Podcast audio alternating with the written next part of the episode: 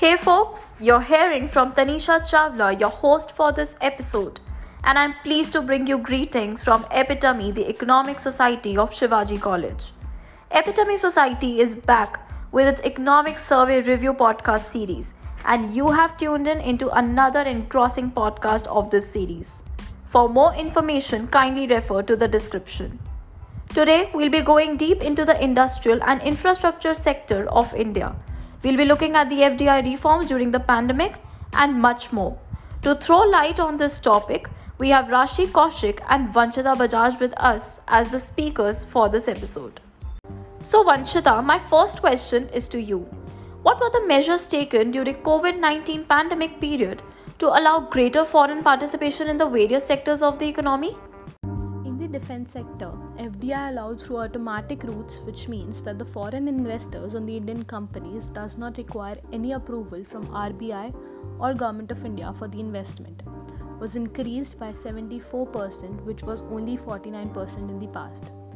For companies seeking new industrial licenses, FDI beyond 74% and up to 100% will be permitted under government route. Talking about the insurance sector, permissible FDI limit increased from 49% to 74% under the automatic routes and allowed foreign ownership and control with safeguards.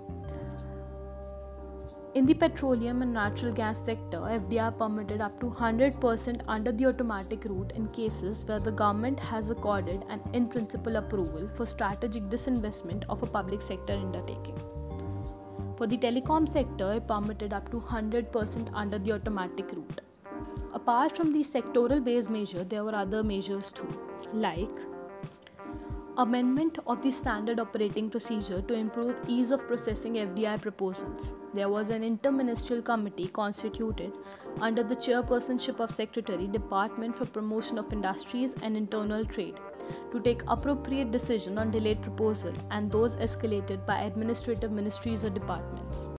Railways is the third largest network in the world and civil aviation being one of the fastest growing aviation markets. Are there any initiatives taken by the government for the development of railways, Rashi? Government adopted indigenous new technologies such as Kavach, Vande Bharat trains and redevelopment of stations. Kisan Rail as of December 2021, 1841 Kisan Rail services transporting approximately 6 lakh tons of perishables, including fruits and vegetables. Projects connecting difficult terrain such as Rishikesh, Karnaprayag line, as also the rail network to connect all capitals of northeast states. Wi-Fi facility. As of December 2021, total 6087 railway stations equipped with Wi-Fi facility, which is helpful for all the students traveling via railways.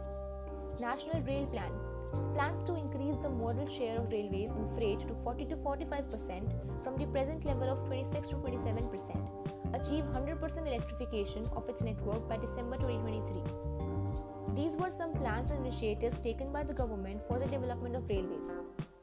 Talking about the civil aviation, domestic traffic more than doubled from around 61 million in 2013 14 to around 137 million in 2019 20 registering a growth of over 14% per annum.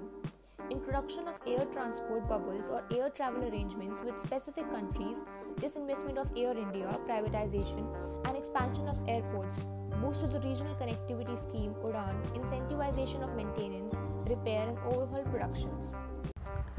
Vanchita, can you give us an overview of how the industrial sector performed during the previous year, provided the world has also hit by the pandemic? Talking about the index of industrial production, it recorded a negative growth of 8.4% in 2020 due to the impact of COVID-19 pandemic. However, there was a significant improvement in performance in April to November 2021. The IIP grew by 17.4% as compared to minus 15.3% in the corresponding period of the previous year. The index of eight core industries like steel, cement, natural gas, coal, electricity, fertilizers, and crude oil grew by 13.7% during April to November 2021 as compared to minus 11.1 in the corresponding period of last financial year.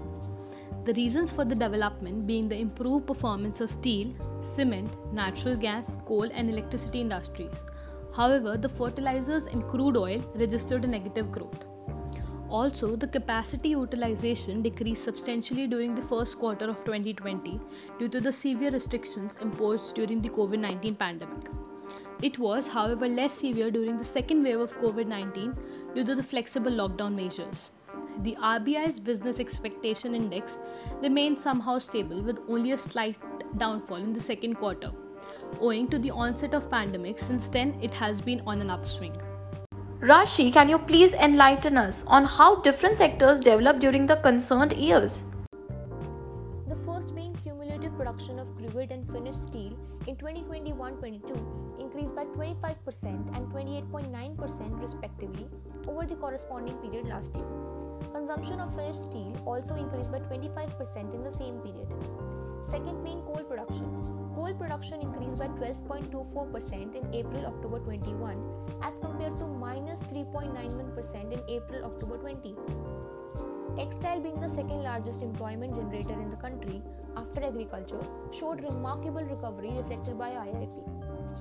Now, fourth being electronics. Electronics had shown lackluster demand during the lockdown period. And lastly, the Indian pharmaceutical industry, which ranks third in the world by volume. India is the largest supplier of generic medicines with a 20% share in the global supply. Sudden spurt in FDI in 2020-2021 vis-a-vis the previous year showing a 200% increase. During 2020, total pharma export stood at 24.4 billion US dollars against total pharma import of 7 billion US dollars. That was indeed a great development. Could you please tell us the initiatives taken by the government for this development, Vanchita? Sure, the government took a lot of initiative during this period. The first was the domestically manufactured iron and steel products policy. Quality control order covering carbon steel, alloy steel, tin plate, tin free steel and stainless steel and R&D scheme. Promotion of R&D in iron and steel. There was an opening up of coal mine for the private sector. There were 27 coal mines have been auctioned to private companies. The government also launched a new Udyam registration portal in July 2020 and also launched a champion portal and ICT based technology system for making the smallest unit big by developing, helping, and hand holding them. The government also started a linked incentive scheme called Production for man made fiber segment and technical textiles.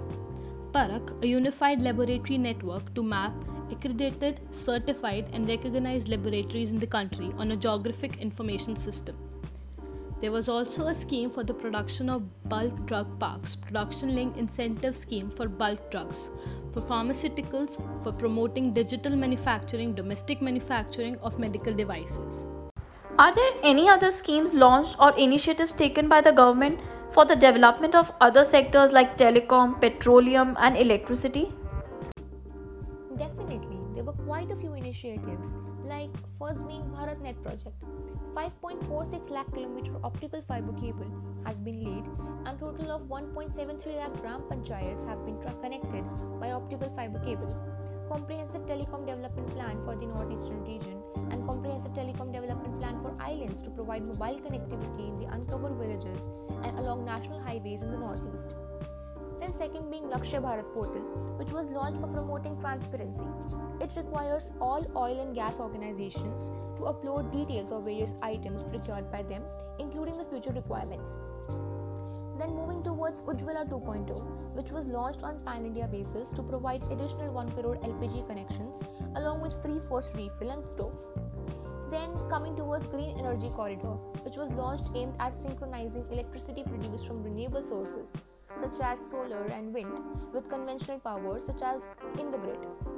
Then uh, government has mandated electricity distribution companies to undertake quarterly energy accounting through a certified energy manager to minimize losses. These were a few of them. So here we culminate our discussion for the day. We hope the discussion was as fruitful for you as it was for us. Stay tuned with us until the next episode. Till then, keep listening, keep learning. Thank you and adios.